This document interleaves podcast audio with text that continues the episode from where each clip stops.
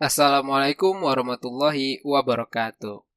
Halo guys, dalam keadaan apa pun kalian, semoga selalu dalam rahmatnya ya. Terima kasih ya. Terima kasih yang sudah dengerin. Di sini podcast.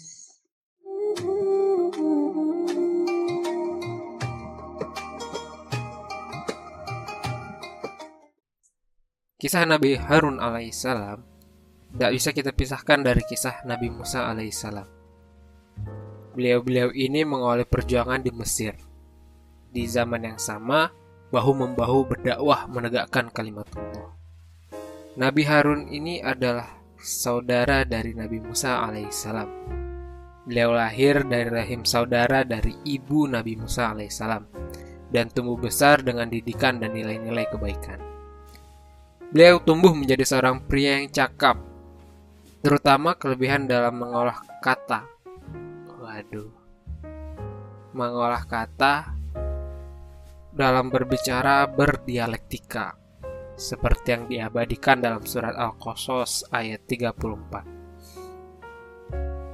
Al-Qasas ayat 34. Dan saudaraku Harun, dia lebih fasih lidahnya daripada aku. Maka utuslah dia bersamaku sebagai pembantuku untuk membenarkan perkataanku. Sungguh, aku takut mereka akan mendustakanku. Nah, jadi memang diakui oleh Nabi Musa alaihissalam kalau Nabi Harun ini fasih dalam mengolah kata. Kefasihannya dalam merangkai kata, serta cara penyampaian yang lembut, tenang, serta komprehensif, membuat banyak orang senang berbicara serta berkomunikasi dengan Nabi Harun alaihissalam. Dengan kelebihan inilah, Nabi Harun alaihissalam bersama Nabi Musa alaihissalam berdua saling menutupi kekurangan satu sama lain.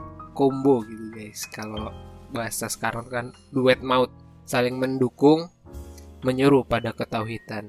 Nabi Harun alaihissalam selalu ada di samping saudaranya, begitupun sebaliknya. Mereka selalu berjalan berdampingan. Suatu ketika, Nabi Harun alaihissalam dan Nabi Musa alaihissalam diperintahkan untuk berdakwah atau datang pada Firaun. Firaun ini adalah julukan bagi raja Mesir saat itu ya guys. Udah dijelaskan atau udah di mention sebelumnya di kisah Nabi Musa alaihissalam. Firaun adalah raja Mesir yang kejam yang mengaku dirinya Tuhan. Singkat cerita, Firaun tidak sudi atau tidak mau beriman kepada Allah dan berakhir ditenggelamkan di Laut Merah. Sedangkan Nabi Musa dan Nabi Harun alaihissalam beserta para pengikutnya, yaitu Bani Israel, selamat menyeberangi Laut Merah. Kisah penyeberangan ini juga sudah diceritakan nih di kisah Nabi Musa alaihissalam. Jadi memang Nabi Harun dan Nabi Musa ini uh, selalu bersama. Kisahnya kayak gak bisa dipisahkan gitu guys. Nah setelah menyeberangi Laut Merah, Nabi Musa alaihissalam diwahyukan atau diilhamkan untuk meninggalkan Bani Israel sementara. Beliau harus melakukan perjalanan ke Bukit Tursina atau Bukit Sinai untuk menerima wahyu berupa kitab Taurat. Nabi Musa alaihissalam pergi selama 30 hari dan disempurnakan 10 hari. Jadi totalnya 40 hari meninggalkan Bani Israel. Nabi Musa alaihissalam ini adalah pemimpin Bani Israel saat itu. Nah, jadi dia harus pergi sehingga ketika dia pergi dia harus menunjuk atau meminta Nabi Harun alaihissalam untuk menggantikannya sementara gitu. Jadi dia mengamanahkan Bani Israel kepada saudaranya Nabi Harun alaihissalam. Namun sayang seribu sayang, sungguh ketika Nabi Harun alaihissalam memimpin Bani Israel, mereka mulai mendustakan Allah guys berpaling menyembah patung sapi. Kalau di Al-Quran disebutkan ada yang mempengaruhi mereka yaitu Samiri. Kalau penyebutan Samiri ini agak kurang itu ya. Saya kurang ahli gitu. Karena ada iya di belakangnya Samiri. Kalau ngaji tuh sering salah nih kalau ngucapin ada di ayat Al-Quran tentang Samiri ini guys. Sorry sorry. jadi curhat. Nabi Harun tidak hanya berpangku tangan dengan kemampuannya, dengan kemampuannya mengolah kata, ia tetap mengajak Bani Israel kembali kepada jalan Allah, kembali kepada tauhid. Namun, upaya Nabi Harun alaihissalam agaknya kurang membuahkan hasil, tidak diperdulikan oleh Bani Israel itu sendiri. Tapi tetap nih, karena memang Nabi Harun adalah seorang nabi ya guys, dia tetap terus berdakwah, tetap terus mengajak kepada kebaikan tanpa kenal lelah. Sampai genap 40 hari. Nah ini memang ketika mereka berpisah kan, ketika Nabi Musa dan Nabi Ibrahim berpisah, saat ini adalah kisah solo Nabi Harun alaihissalam.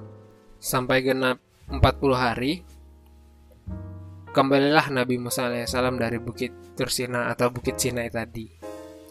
Dan melihat keadaan Bani Israel saat itu, Nabi Musa alaihissalam terkejut bukan kepalang. Nabi Musa alaihissalam pun marah, naik pitam. Dia langsung menegur saudaranya. Peneguran ini diabadikan dalam Al-Quran surat Toha ayat 92 sampai 97. Musa berkata, Wahai Harun, apa yang menghalangimu ketika engkau melihat mereka telah sesat, sehingga engkau tidak mengikuti aku? Apakah engkau telah melanggar perintahku?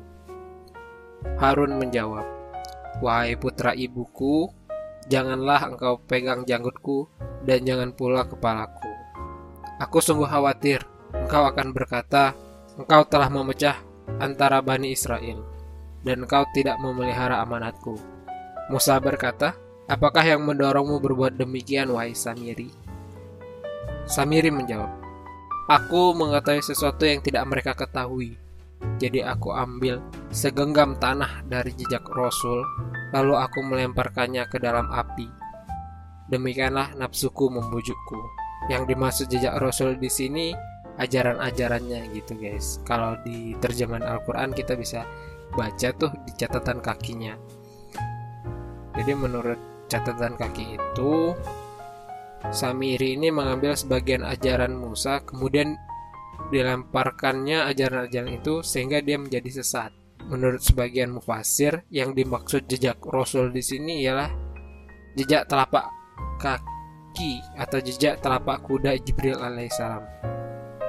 Artinya Samiri mengambil segumpal tanah dari jejak telapak kuda itu lalu melemparkannya ke dalam logam yang telah dihancur sehingga logam itu berbentuk anak sapi yang mengeluarkan suara. Jadi kan mereka menyembah sapi tadi kan ya. Sapi, patung sapi, patung sapi gitu.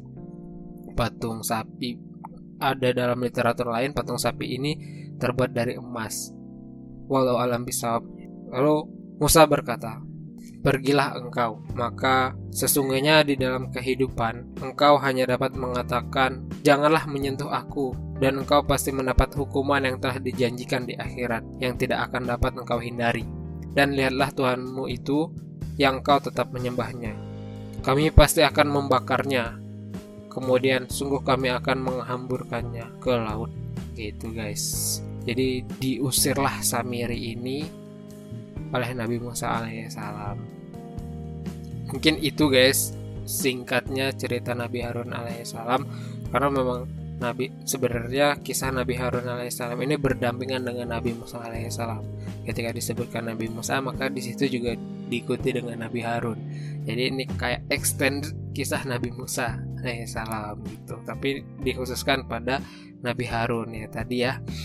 Uh, ketika dia solo itu ketika mereka berpisah atau solo itu pada saat-saat Nabi Musa alaihissalam menerima wahyu dan meninggalkan Bani Israel ke, dan meninggalkan Bani Israel mengamanahkannya kepada Nabi Harun alaihissalam. Uh, kalau bicara tentang kisah ini banyak hikmah yang mungkin bisa kita ambil gitu dari yang telah Arak sampaikan sebelumnya terus kita coba untuk melanjutkan dengan kisah Nabi Harun pada hari ini Nabi Harun ini mempunyai kecakapan dalam mengolah kata, ya dalam berdiskusi gitu kan ya guys. Nah dengan kemampuan inilah ia berjuang, dengan kemampuan inilah dia berdakwah dan menolong agama Allah. ia begitu setia pada kebenaran dan selalu mendukung penuh perjuangan Nabi Musa alaihissalam fisabilillah. Bagi anda-anda sekalian yang pintar mengolah kata, berdialektika dan berdiskusi, mungkin bisa nih mencontoh Nabi Harun alaihissalam. Gitu. Kita harus menyadari juga kelebihan kita, lalu menggunakannya untuk kebaikan. Terlebih lagi untuk menyebarkan atau untuk berdakwah atau untuk mengajak ke ke jalan Allah SWT jalan perjuangan yang panjang guys dan kalau perjuangan ini nggak bisa dilakukan sendiri. Kalau dilakukan sendiri itu biasanya futur. Kalau future bahasa Inggris kan masa depan. Kalau ini futurnya futur bahasa Arab guys. Kelelahan gitu. Ya kalau kelelahan sulit guys. Sulit sekali. Teng ya intinya kita harus menyadari kemampuan kita terus menggunakannya untuk mengajak kepada kebaikan, mencegah kepada kemungkaran agar kita menjadi sebaik-baiknya umat. Itu aja sih. Dan yang terakhir, dari sebuah kisah selalu ada hikmah. Assalamualaikum warahmatullahi wabarakatuh.